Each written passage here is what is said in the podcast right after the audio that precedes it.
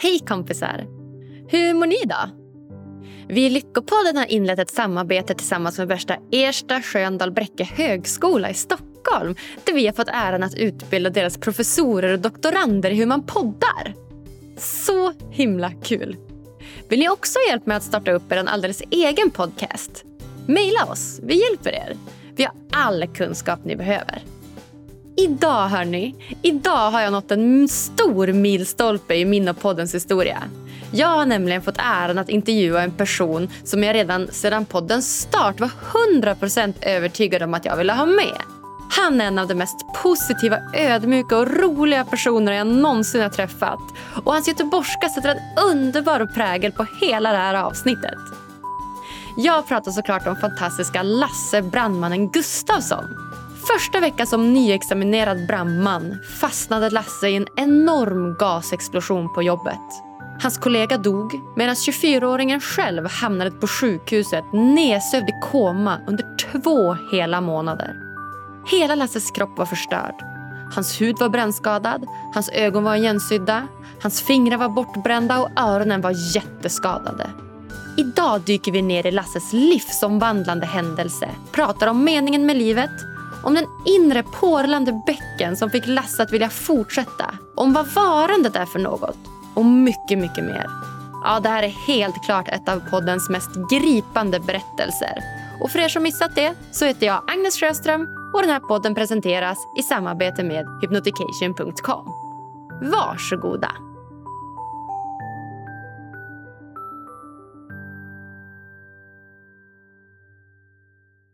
Då säger jag varmt, varmt, varmt, varmt välkommen till veckans gäst, Lasse Brandmannen Gustafsson!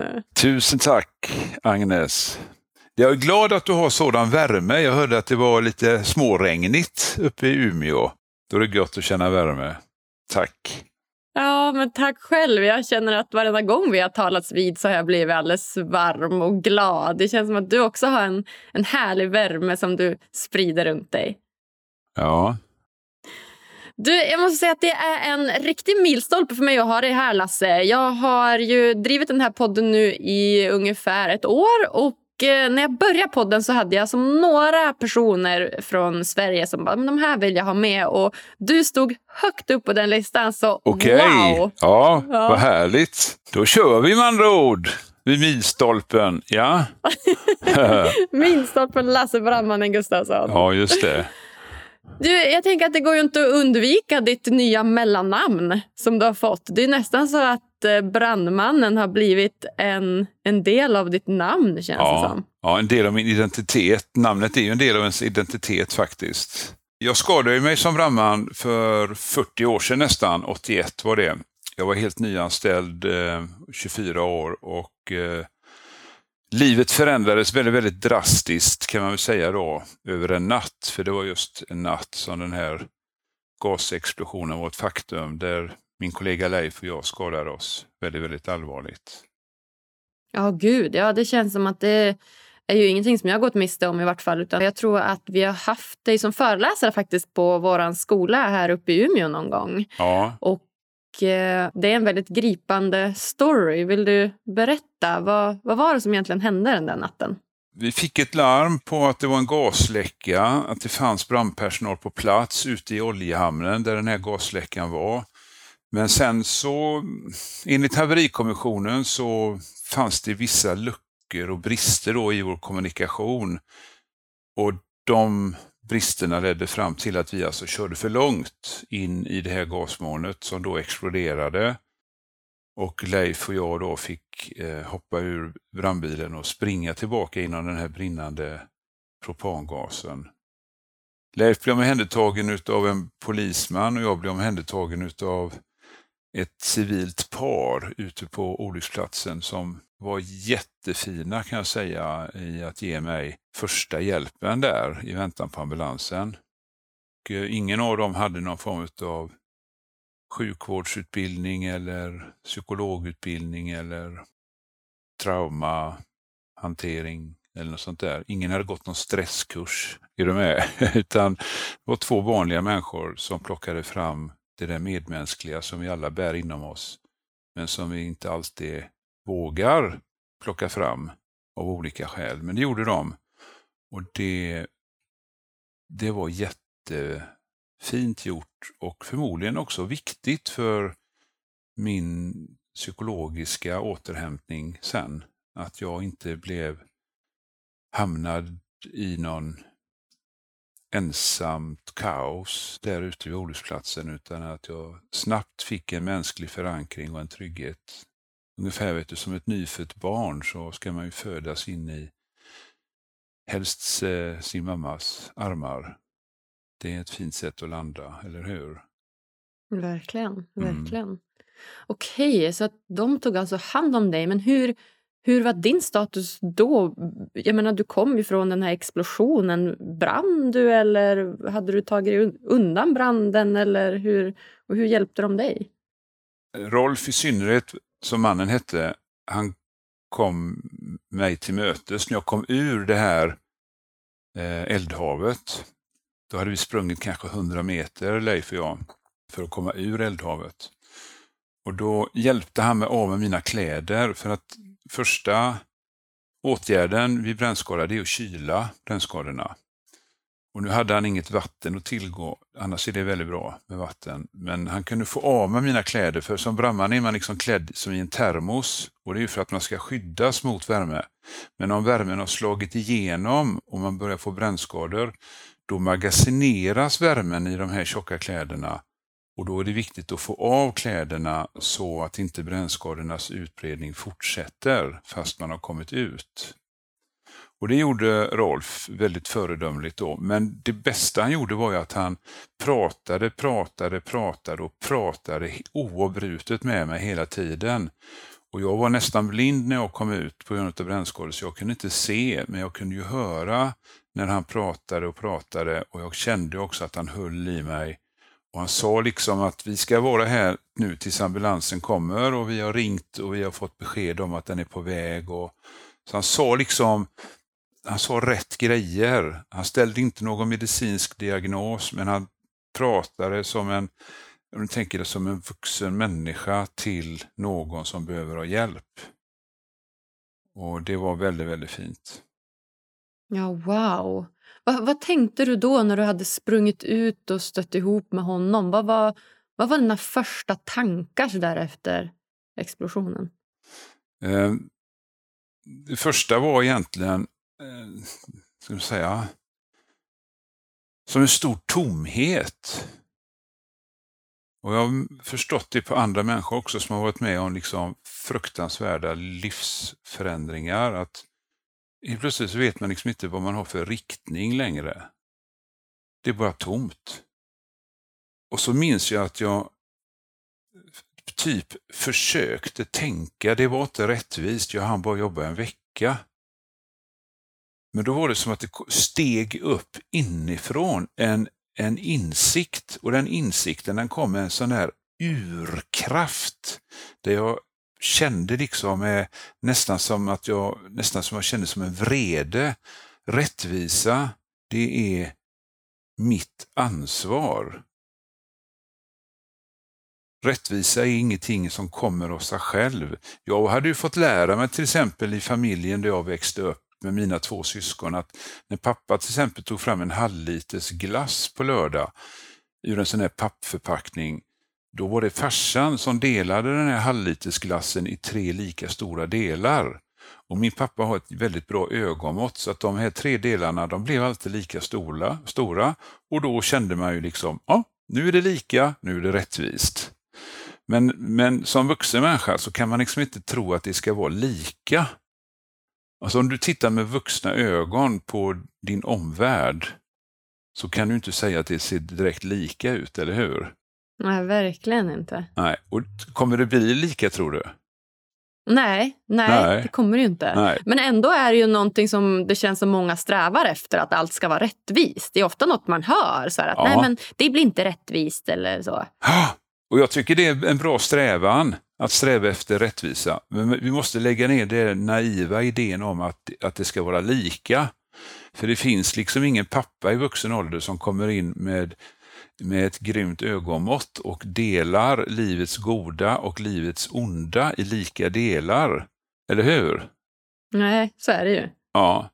Och jag hade ju också, mamma till exempel, hon bad ju en sån här kvällsbön när vi var små. Gud som haver barnen kär, se till mig som liten är. Sådär, va?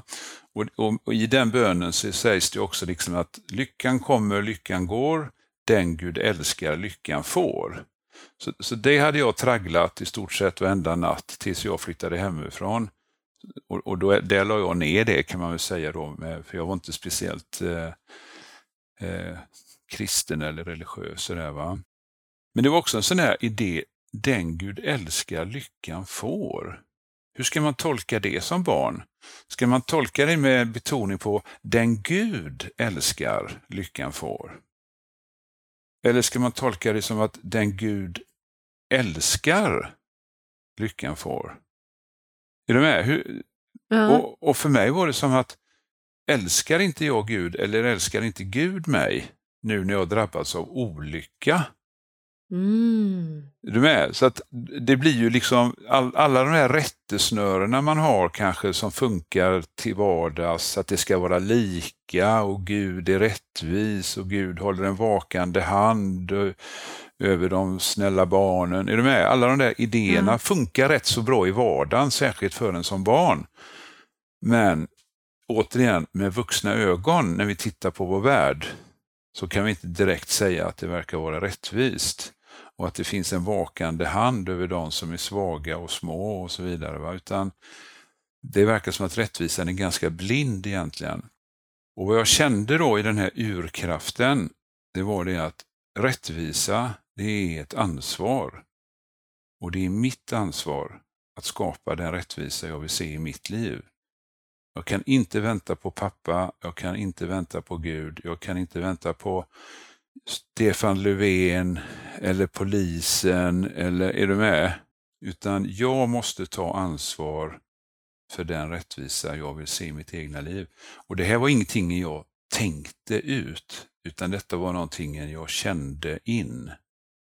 En, en insikt kommer ofta först som en känsla och så formuleras den till ord.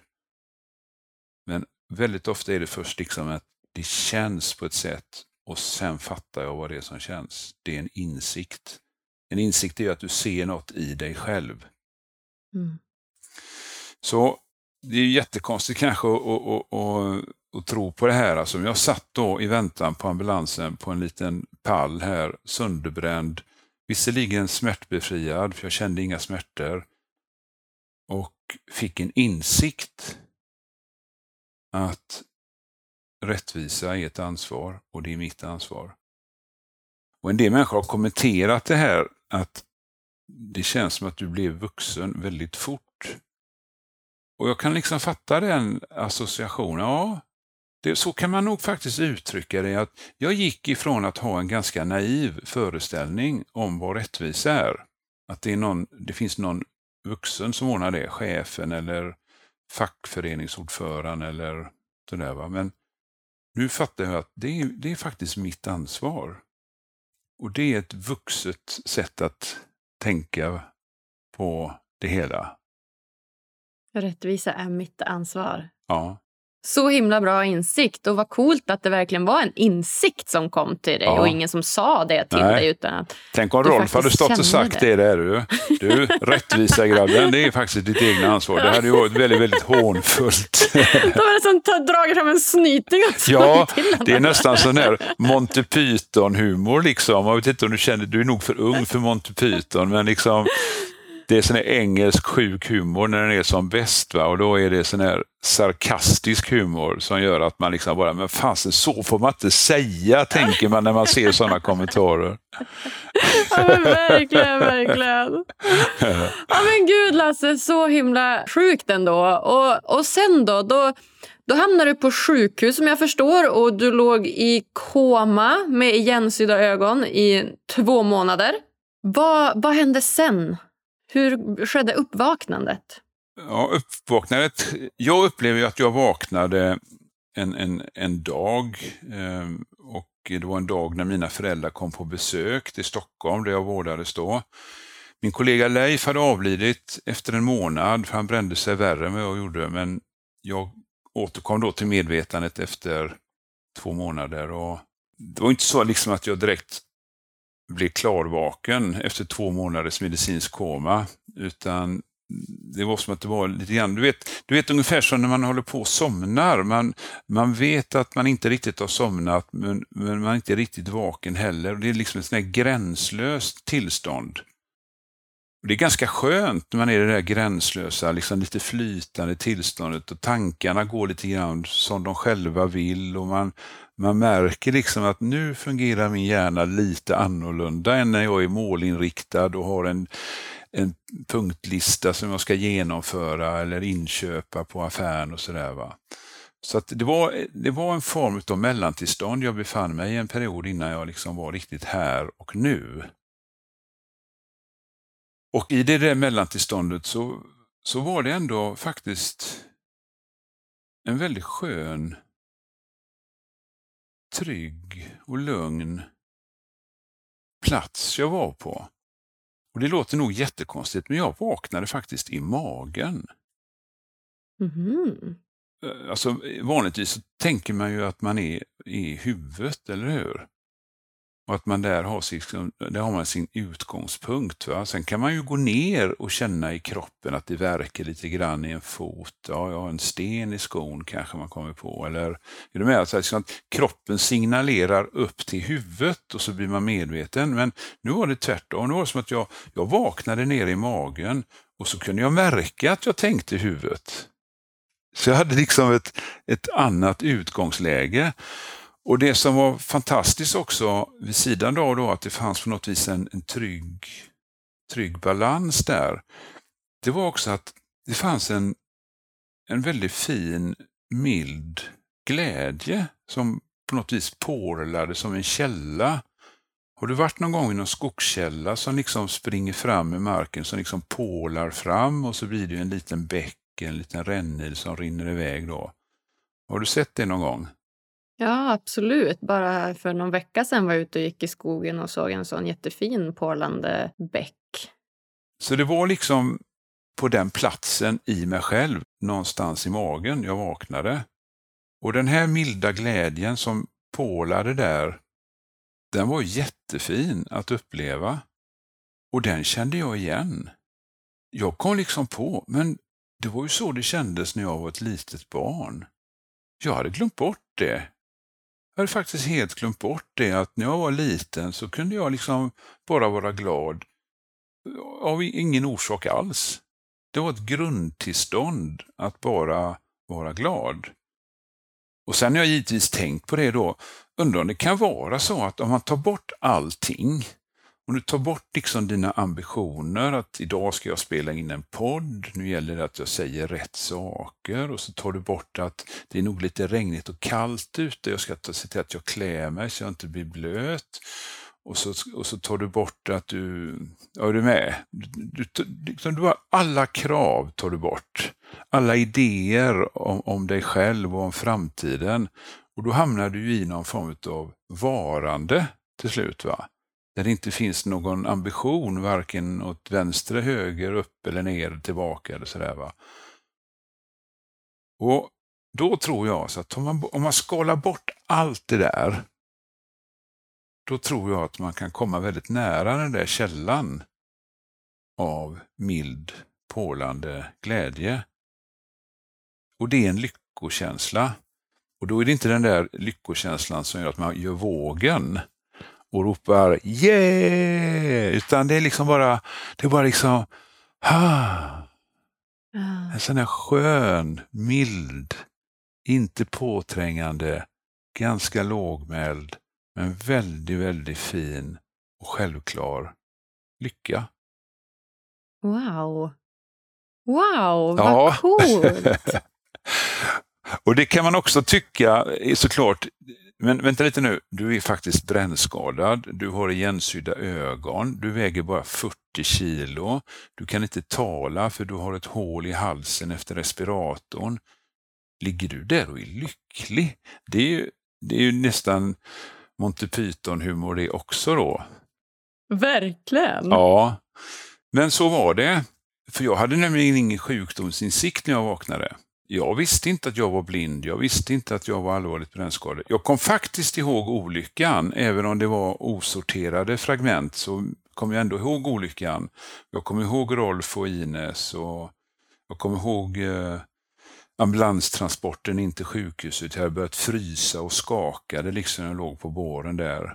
Och, och, när jag kom in till akuten så kom jag, det sista jag kommer ihåg det var att jag såg väldigt bekymrade ansikten ifrån akutvårdspersonalen när de liksom tittade ner på mig som låg där på ambulansbåren. Då, va? Sen, sen liksom var det bara svart, jag blev ju sövd där då. Va? Så, så allt det där kommer jag ihåg. Men jag kom ihåg det alltså utifrån en position nere i magen vid den här källan av trygghet och, och glädje. Vad coolt! Men den här källan då som vi pratade om, trygghet och glädje. Är det någonting som du har upplevt sen senare i livet? Jag kan ju säga så här att det är inte så att jag kan medvetet tänka nu ska jag gå ner i min källare och sätta mig vid den där lilla porlande bäcken och, och sleva i mig några skedar utav den där härliga känslan. Så är det inte. Va? Men, men jag märker att ibland när jag är i en harmoni och, och i harmoni då, är, då kan det till exempel vara att just nu så ska jag inte iväg på någonting. Det är ingenting jag behöver bry mig om. Jag behöver inte vara orolig. Jag behöver inte planera. Det är inget samtal som pockar på. Jag sitter bara här.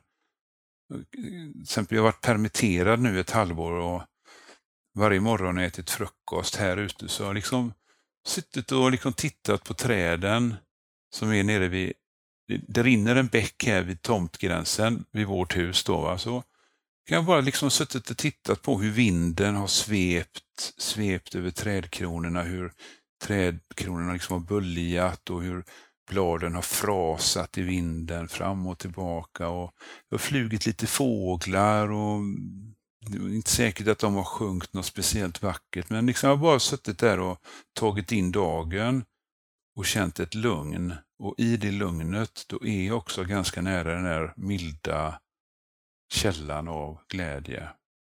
Mm. Ja, vad fint. Så, så mycket då förstår jag när man som skalar bort de här måstena och borden och sånt man ska göra och tankar på framtiden eller det som har hänt, utan när man är ganska mycket i nuet. Ja, och jag vill också säga att jag tror inte att man måste vara passiv i nuet, utan det kan också vara så att om jag håller på och grejar med någonting som, eh, som verkar, liksom, det, det verkar bli bra där. Kanske, jag går till exempel en utbildning nu i miljöpsykologi och det ingår en del odlarglädje också i den här utbildningen. Och jag är inte så himla mycket för odling, men jag märker ändå, särskilt på mina kurskompisar, då, att när man håller på då och påtar i jorden och plockar rent kanske en rosenbuske och sådär, och då är det är den här rosenbusken bara som ska plockas rent. Så att det är inte liksom, det är inte 10 meter rosenhäck, utan det är den här busken. När jag är klar med den här busken, då ska vi träffas och fika. Så, där. så sitter man där och fixar och tittar på den här lilla rosenbusken och plockar bort blommor som har blommat över och ansar den. Man gör den fin. Så där. Man kanske, kanske också tar bort lite ogräs runt under och kratt, liksom luckrar upp jorden. Då kan också den här behagliga känslan komma i det görandet. Och, och jag märker det att man måste inte bara vara i ett ambitionsfritt varande, utan du kan också vara i ett relativt kravlöst görande för att vara i kontakt med den här, den här välbehagliga känslan. Mm. Och Det slog mig en gång när jag var i Indien och, och reste runt ihop med en kompis. Så, så kom vi till en landlord som han ägde så mycket mark så det ingick till och med tre byar. Shit, det är inte det, lite mark. Nej, alltså det, det går ju inte att fatta för oss svenskar. Man kan ju inte äga en by. Liksom. Det bor ju liksom 800 människor i varje by. Ägde han dem också? Ja, på sätt och vis ägde han dem också. Så det, alltså, det är ju jättekonstigt då. Men då vet jag liksom, när, då hade han ju rätt mycket gardeners då som var och fixade i hans trädgård och sådär. Då. Och då var det en pojke som just satt och rensade i en rabatt. Han satt på huk, han hade liksom bara något nästan som kortbyxor, något skynke. På sig, bar överkropp, barfota. Och, så, och så vi satt där och drack te, jag och Håkan, och så såg vi hur han jobbade sig fram i den här trädgårdsrabatten. Och, så, och efter en stund så började han att sjunga. Jag vet inte om det var han sjöng på, liksom, men jag bara kände i den sången att han var i en trygg, kravlös harmoni och bara trivdes med att ha fingrarna i jorden och fixa och dona och sådär. Och så tänkte jag, minns jag tänkte på det, för då jobbade jag på brandkåren igen. Jag gick ju tillbaks till brandkåren eh, efter två års sjukskrivning. Mm. Ja. Och jag tänkte, det är sällan vi sjunger på jobbet på brandkåren, tänkte jag. Alltså det är sällan man hör liksom hej hå, hej hå, vi nu till branden gå. Utan det är ju möjligtvis då dvärgarna i Snövit som sjunger på väg till jobbet. Va? Men har du tänkt ja. på det? Har du tänkt på det att det finns liksom finns kulturer där man sjunger på arbetsfälten? Ja men verkligen. Och jag vet att, att sång i sig kan ju faktiskt göra en lycklig. För jag, jag har faktiskt tagit lite sånglektioner här på slutet bara för kul. Bara jag ser att, att du ser glad ut nu. ja, ja men verkligen. Jag, för jag tycker att det är så kul. Och dels för att det är liksom någonting kreativt men också för att det är väldigt, väldigt utmanande. Det är skitsvårt att sjunga. Och det är någonstans kul också att bli utmanad. Men jag vet att det finns något som heter vagusnerven som vi människor har som aktiveras ja. när vi sjunger. Och Det är en nerv som är kopplad till lyckokänslor. Ha, härligt. Kan du sätta handen på var, var, var vagusnerven finns? Nej, det kan jag faktiskt inte. Jag vet inte det. Jag tror att det är någonstans, är det någonstans i nacken kanske. Jag vet inte. Nej, för att jag, vet du? jag kör ju en talarkurs ihop med en kollega och han är skådespelare, Henrik som han heter, Henrik Mattsson han har utbildat sig då till att bli skådespelare. Då fick de lära sig att ha kontakt med den glada punkten. Ah. Ja, och glada punkten den är liksom strax nedanför solarplexus tror jag har sagt. Det är typ magen helt enkelt. va. Och när man är där nere då får man också röststöd och även sångare har tydligen kontakt med den här för att liksom på något vis ha en balans och ha kraft. Alltså du ska kunna tala tydligt, men det ska inte bli skrikigt. Men de längst ner ska ändå höra vad du säger utan att de som sitter längst fram liksom får ny frisyr för att du gapar. Och då, är, då är tydligen kontakt med den glada punkten viktigt. Och det kan hända att vagusnerven passerar här. Jag vet inte själv. Nej, heller. men bra fråga. Det här måste jag googla på sen. Det, ja. det kanske är den glada punkten som är vagusnerven. Jag vet ja, inte. Nej.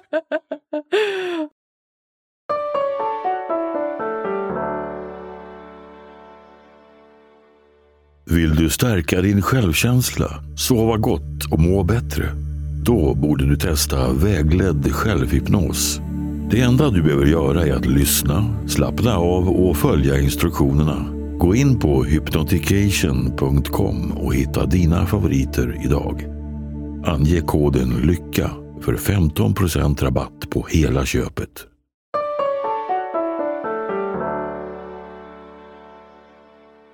Okej, okay, så du, du låg i koma i två månader. Du vaknade upp.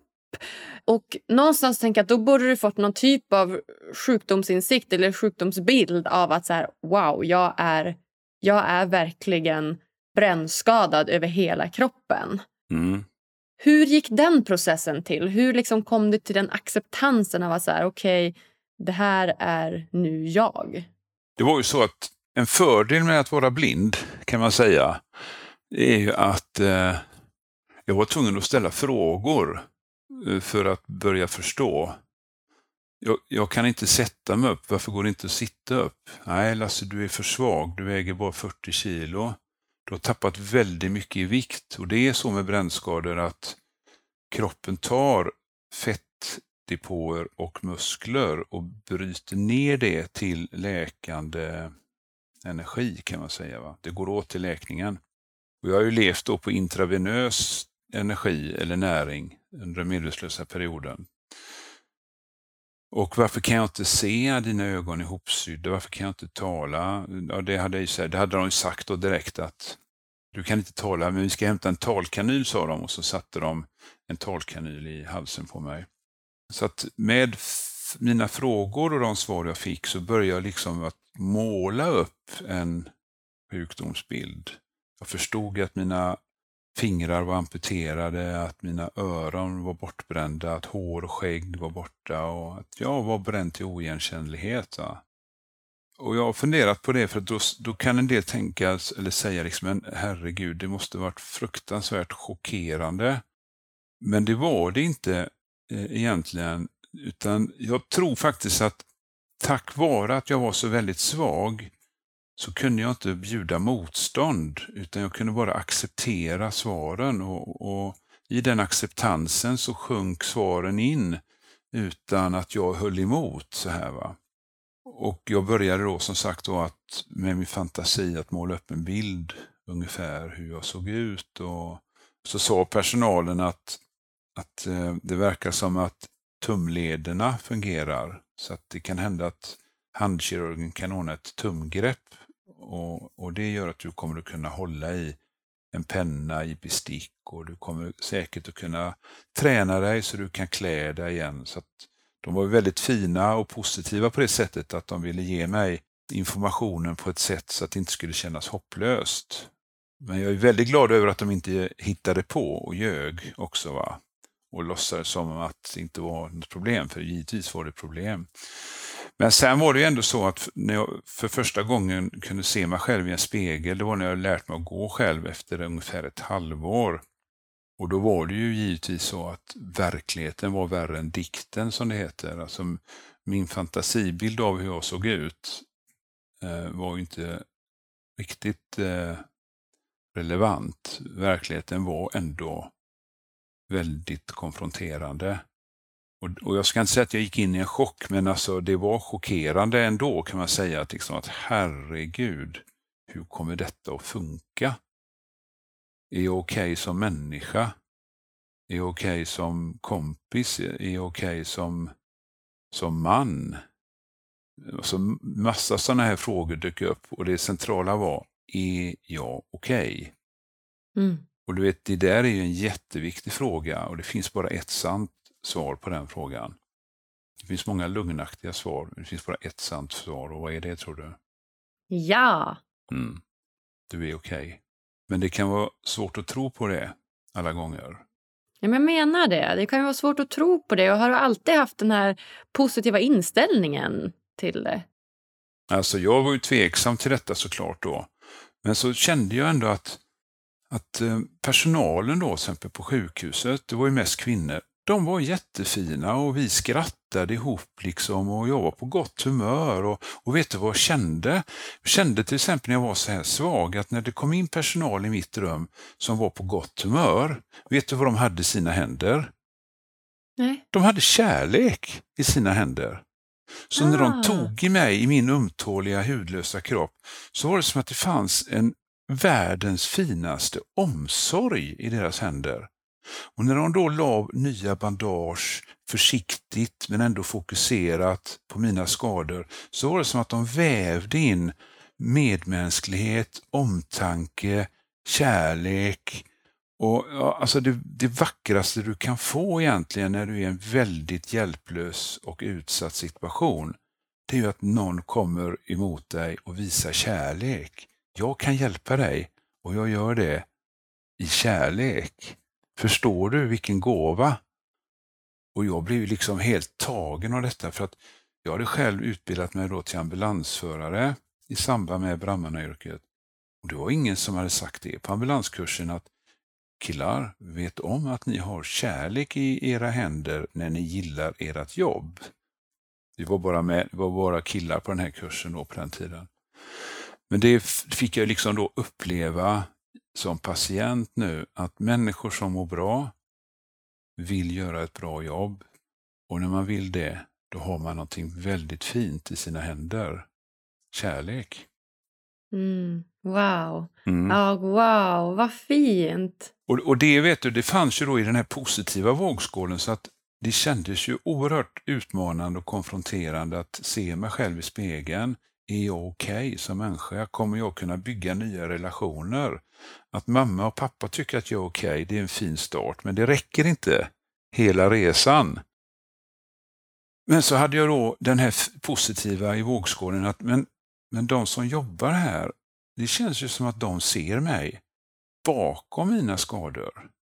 Det känns ju som att vi möts som människor, fast jag är skadad som jag är. Och det liksom började då bygga upp en, en trygg, trygg känsla sådär. Och, och, och, sen, och sen så vid ett tillfälle så fick jag sådär jättefint bevis på att, att jag, på den här, jag fick ett bra svar på den här frågan, är jag okej? Okay? Och då var det så här att varje dag så började det med att ronden kom in, läkarronden kom in. Och nu när det blev höst fick de tända alla lamporna då. Det var massa lysrör. Och det var en doktor, en plastikkirurg som hette doktor Abelan. Han var från Åland som pratade finlandssvenska. Det var en väldigt fin melodi när han kom in och sa God morgon Lasse! Det jag inte riktigt gillade var att han slog på alla lysrören samtidigt som han kom in här. Då, va? Men så, så samlades de runt mig och så pratade de om nästa operation och så såg de hur de sista transplantaten läkt in och så swish så försvann de ut igen i sina oknäppta läkarrockar. Och så märkte jag att Abelan, han var alltid först in och först ut. Han var snabb som en vessla och han var den kortaste doktorn, så han borde liksom haft de kortaste benen, tänkte jag. Så jag fick liksom fråga honom en gång, Doktor Abelan, hur kommer det sig att du är både först in och först ut? Och då sa han så här, jo men jag är med i en vandringsförening, sa han.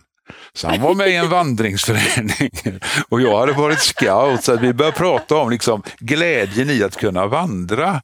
Har du känt det någon gång att det finns en enorm glädje i att kunna vandra, eller hur? Ja, verkligen. Jag älskar att vandra. Ja, och man måste inte vara på väg för att det är rea någonstans. Det är inte därför man är glad, utan det är bara det att planlöst nästan kan man bara vara på vandring ute i naturen och känna bara, ah, vad skönt det är att bara kunna gå här och ströva. Jag har ingen, jag har liksom ingen pulsmätare, jag har inte liksom start och stopptid.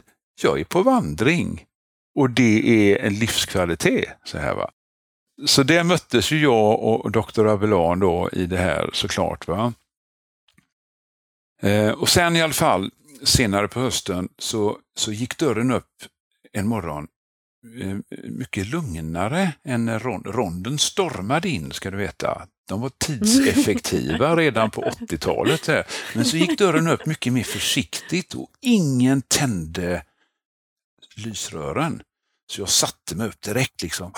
Tjuvar, tänkte jag sådär va. Och så tittade jag bort mot dörren, men nu hade de ju visserligen då klippt upp mina ihopsydda ögonlock, men jag såg dåligt för att de, de limmade på någonting som heter fuktkamrare. Det är ungefär som simglasögon för att det inte ska bli torrt. Det var en rolig funktion på ögonlocken som jag hade. Och då var det kondens på insidan, de här Eh, fuktkamrarna. Så att jag satt och kisade genom kondensbelagda fuktkamrar för att se vem är det som kommer in här. Och då var det som du tänker dig, genom det här diset då i kondensen så var det som en som en ljusprocession. Det var sex stycken ljuspunkter i en ring. Och i och med att jag hade kondens så blev det som en liten mångfärgad aura kring varje ljuspunkt. Och så skred den här ljusprocessionen in ungefär på ja, 1,80 sådär höjd. Och bakom den här ringen så kom det som en svans ljuspunkter på rad. Kan du se det? Nästan så att det är som en stjärnbild som svävar in i decembermörkret. Så här då, va? Och så helt plötsligt så börjar de att sjunga en sång. Sankta Lucia. Det var Lucia! Du vet, jag hade ju tappat tid. Jag låg inte där med almanacka liksom på sjukhuset. Det var Lucia-morgon och personalen kom in med Lucia-krona och tärneljus och så sjöng de. Och jag såg ju inte vilka det var bakom mina fuktkamrar, men jag bara satt alldeles stilla och lyssnade. Och du vet när man är blind, då hör man bättre. Så jag mm. blundade liksom och lyssnade på den här Lucia-sången och hörde så vacker den är. Och när man är lite otränad som de här var, då är man också naken i sin röst någon som är professionell är inte naken och skör på samma vis som det här Lucia-tåget var. Va? Så det var som att tid och rum bara försvann så här. Och så gick de ut sen efter en vers eh, ur rummet, men så slet sig ena tärneljuset, kom hela vägen fram till mig och så kände jag att jag fick en puss på kinden. Ah. Och då fick jag ett svar. Jag kände liksom, jag är okej. Okay. Och det var, var en sån fin känsla. Och jag vet inte hur många te terapitimmar det skulle gått åt att så att säga kognitivt förstå, du är okej okay, Lars. Sådär, va? Utan nu var det bara någon i personalen som ville ge mig en puss på kinden. Men det viktigaste i den här pussen, det var alltså att det fanns en intention hos den som gav pussen och intentionen var, du är okej. Okay. Och det gick rätt in. Man kan säga att det gick ifrån dens hjärta till mitt hjärta. Och sen har jag tänkt efteråt så här liksom, ah, hoppas det var en tjej. Man vet ju inte, eller hur? Det kanske var doktor Abelan. det kanske var doktor Abelan. Men sen har jag tänkt så här då att, att återigen, att nej, men det spelar inte så stor roll, utan det viktiga var bara att den här personen ville säga någonting med det här och det gick fram. Så att sådana här liksom exempel då gjorde ju då att jag började att våga tro på mig själv. Jag är okej. Okay. Fantastiskt. Gud vad härligt Lars. Är du rädd för elden idag? Nej, det är jag inte. Jag, jag, jag fick jättefina möjligheter att bearbeta de här intrycken. För att, kan du tänka dig att hela det första året när jag låg på sjukhus så kom det kollegor och hälsade på mig.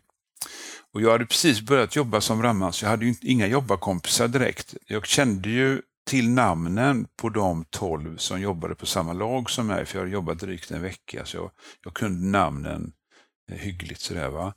Men i Göteborg så finns det 500 brandmän.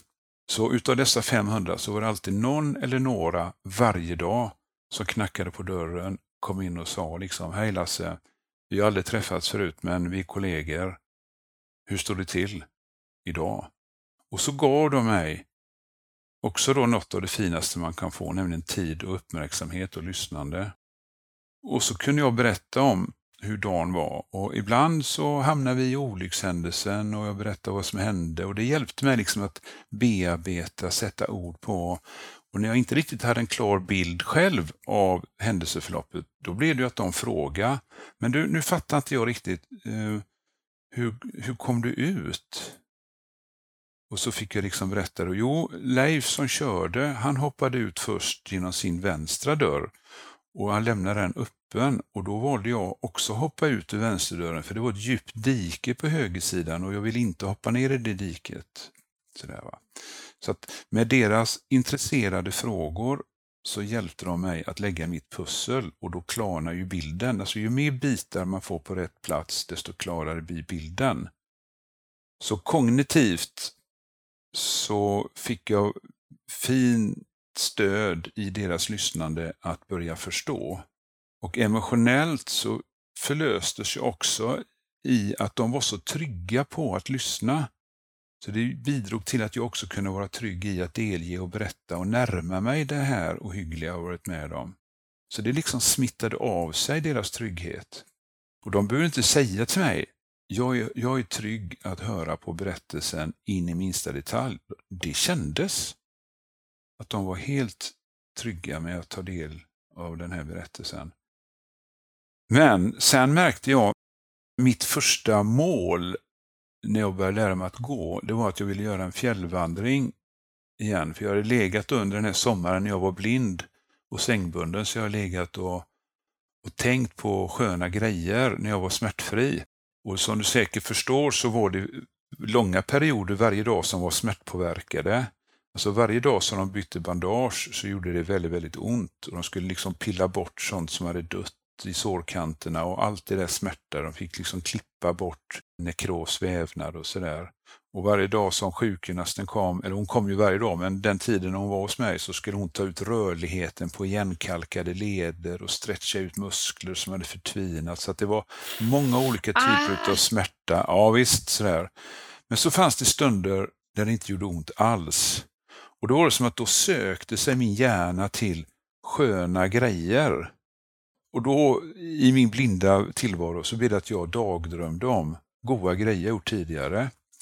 Och jag hade egentligen bara varit scout sådär och det är inget märkvärdigt men herregud vilket, vilket fint liv jag hade levt, insåg jag. Jag har fått lära mig vet du, utifrån, ifrån andra vuxna. Jag tänkte att andra vuxna hade varit intresserade av att lära mig bra grejer, hur man gör i naturen för att hålla sig torr, mätt och varm och ha kul. Inte bara mamma och pappa utan andra vuxna. Fattar du vilken lyx? Att, att det finns sådana ideella krafter. liksom. Och Vi hade bland annat, då, jag och mina jobb, eh, scoutkompisar, varit i Sarek och vandrat i norra Sverige. Oh, wow, det är så fint. Ja, det är, det är ju alltså jungfrulig fjällnatur. va? Ja, det är helt obeskrivligt. Ja, och, och det var liksom, det var ju här guldkorn som förgyllde min blinda svarta tillvaro när jag låg på sjukhuset. Det var att, liksom att ligga och njuta av de här guldkornen. Och det blev då mitt första mål när jag började lära mig att gå. Att kunna gå i Sarek igen. Och en viktig detalj, det var att jag ville bli så säker med mina händer så jag kunde fjällvandra på egen hand. För jag ville känna att jag var självständig, fri och liksom vuxen mitt liv. Att jag kunde klara mig själv, det var viktigt. För hade jag sagt till mina scoutkompisar, liksom, hörni jag kommer på en idé. Och då? Jo, jag funderar på att gå i Sarek igen. Det var ju rätt kul förra gången. Då hade de sagt, vi följer med. Eller hur? Ja. ja och sen hade de ju burit mig genom Sarek på någon kungastol sådär. Va? Och då insåg jag det att det här berättar inte jag nu för någon, utan jag vill kunna klara detta själv, för då är jag liksom tillbaka på samma nivå av livskvalitet. Att jag är, jag är inte mer än någon annan, men jag är liksom likvärdig och jag, jag kan ta hand om mig själv. Det vill jag känna. För det kunde jag absolut inte i början. Jag klarade ju ingenting i början. Um, ja, hur kom vi in på det nu då?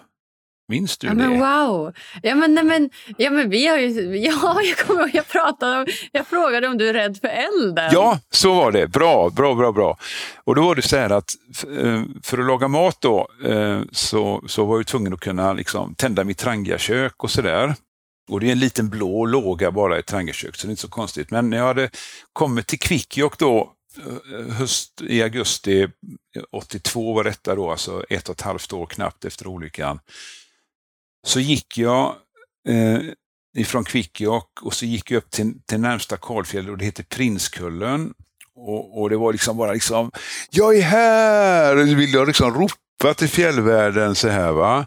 Och jag minns också att jag liksom tänkte ungefär som att det har hänt en jädra grej i mitt liv ska ni veta sådär. Och så var det som att jag fick ingen respons på, på, på min, eh, liksom min eh, nästan frustration. Eller, liksom, du vet, jag var ju verkligen uppslukad av den här oerhörda förändringen i mitt liv. Och då stod liksom bara fjällvärlden där lugnt tillbakalutad, lite bredbent och så var det nästan så att de, så att de sa Jaså, har det hänt en himla grej i ditt liv? Ja, här har inte hänt något på de sista 10 000 år sedan. Men, men då var vi nerisade var vi, utav en, en inlandsis som var ganska enveten och det gjorde oss lite kortare men också lite mer brenbenta. Men ja, sen dess har det inte hänt så mycket faktiskt. Välkommen tillbaka! Ja. Är du med? Och jag möttes alltså, jag möttes, vet, i den här enorma förändringen så upp, möttes jag av någonting som var oförändrat. Och det, det liksom kände jag igen. Jag kände igen att ja, men det finns även i mig. Det finns någonting i mig som är bergsfast, som inte har förändrats. Mycket utanpå mig själv har förändrats, men det finns någonting bergfast i mig som är samma som är opåverkat. Och det, det, det är ju det som är jag på något sätt. va? Verkligen. Wow, Lasse. Mm. Så himla inspirerande. Verkligen. Och sen då när jag hade gått ett par dagar så började det regna rätt rejält och så gick jag ner i Tarradalen, heter det, för jag skulle gå in då mot Alkavagge, som den dalen heter. Det finns ett kapell där som är lite raserat, Alkavagge kapell eller Alcavare kapell heter det. Men i alla fall, det finns en, en fjällstuga då längst in i Tarradalen. Så jag tänkte, jag går ner dit, jag gör upp eld i spisen, torkar mina kläder, sitter vid ett bord och äter liksom sådär och så får det smattra på på, på tak, taket utanför. Och när jag då skulle, hade matat in ved och tände elden i spisen så får man ju liksom mata den här elden sen så att inte den dör. Och Jag märkte då när jag öppnade luckan och skulle lägga i ny ved så liksom var det som att min hand ryggade för eldslågan som stack ut ur den öppnade luckan. Så att när jag skulle kasta in den här vedpinnen så slog den i kanten, det blev liksom stolpe ut. Kan du tänka dig va? Oj då, tänkte jag, nu missade jag. Så tog jag upp den igen och skulle kasta in vedpinnen, så var det stolpe ut igen. Så jag blev nästan blev liksom irriterad på mig själv. Jag hade liksom som scoutledare sagt till mina scouter att ni, ni får inte leka med elden. Det är en sak om vi sitter ute vid ett lägerbål, att man sitter och krafsar vet du, med grillpinnen så där i glöden. Va? Men inomhus så leker vi inte med elden. Så sitter jag här själv här och fipplar. Och då, då, då fattade jag liksom att jag hade alltså kognitivt lagt mitt pussel och förstod allt som hade hänt. Jag hade emotionellt upplevt fasan och skräcken när jag trodde jag skulle dö. Jag hade kunnat prata om det, men kroppen hade fortfarande kvar ett minne som inte var förlöst. Så det är som att kroppen har ett minne, ett kroppsminne. Så jag fick liksom prata med min hand. Eh, liksom att det är inte farligt den här elden här, eh, du har koll på att den kommer bara ut en decimeter och pillar vi in den här vedpinnen strax under så är det ingen fara. Så, så jag fick liksom vänja kroppen vid eld.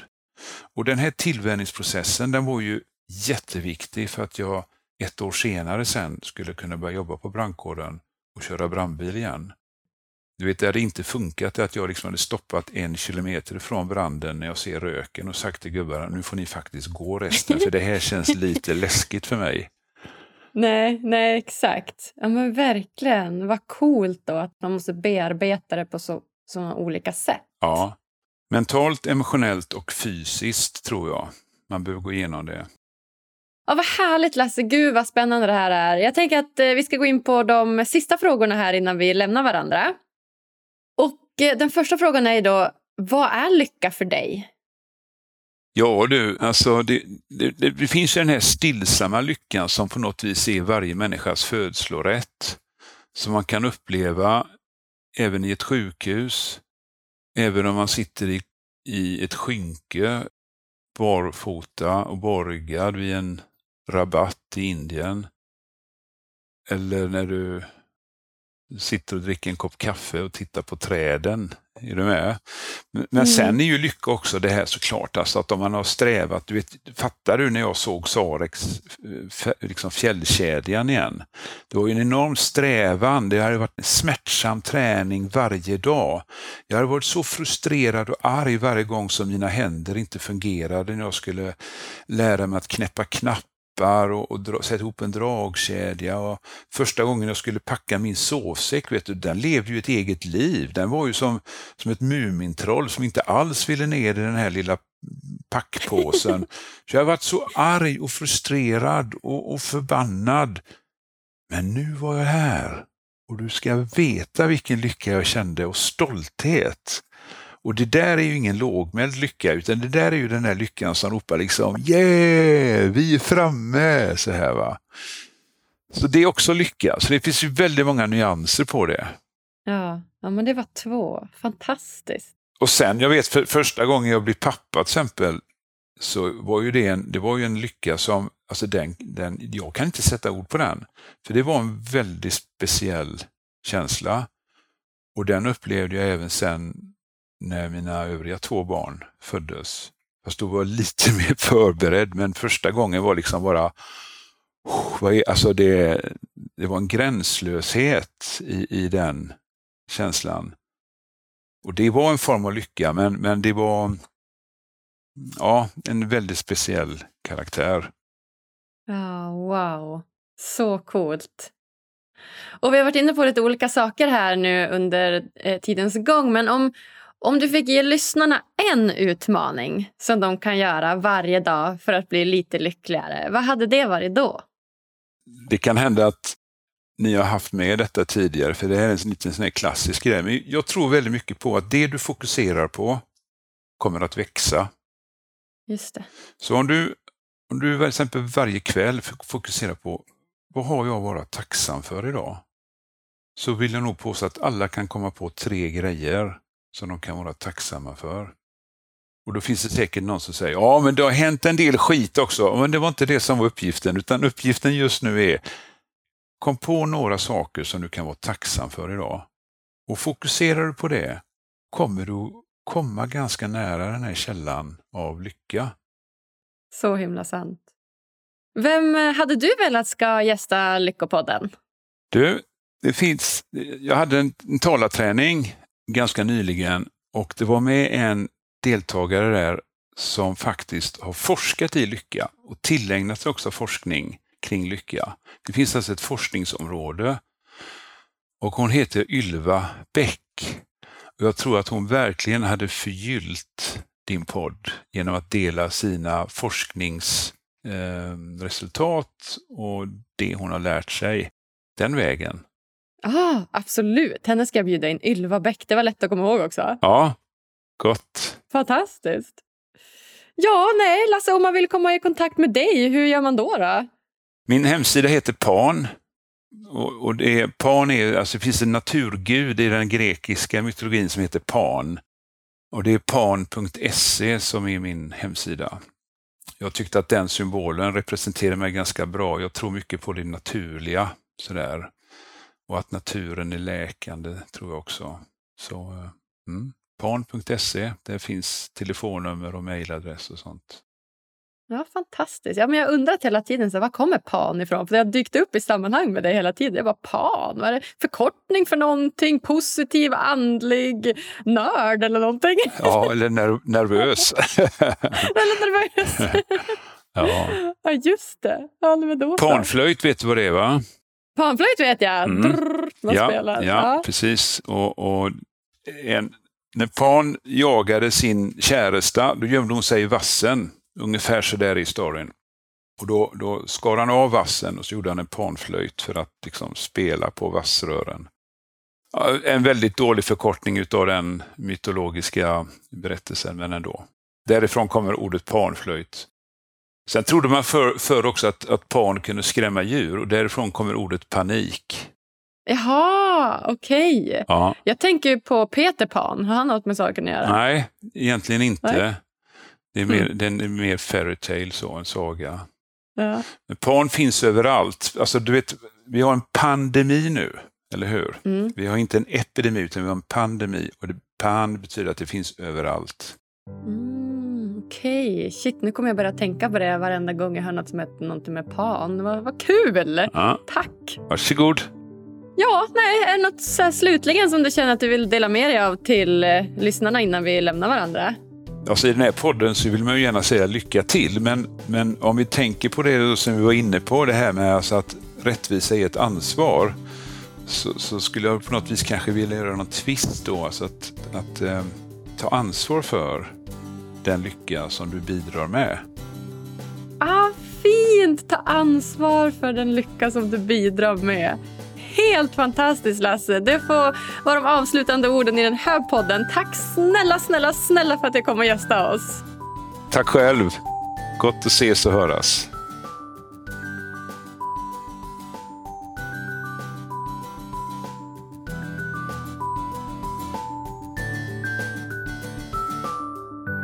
Åh, varmaste, finaste, godhjärtaste Lasse. Har ni någonsin träffat en så vacker personlighet? Jag blev helt tagen av det här avsnittet och hade podden inte spelats in på distans hade jag gått och kramat honom med världens största bamsekram här på en gång. Tänk att kunna vara så positiv i en sån extremt utmanande situation. Shit, vilken förebild. Tycker ni det här var lika bra som jag? Prenumerera gärna på podden, följ oss på sociala medier och ge oss fem stjärnor på iTunes. Tack för att just du lyssnar. Vi hörs på tisdag igen. Puss och kram!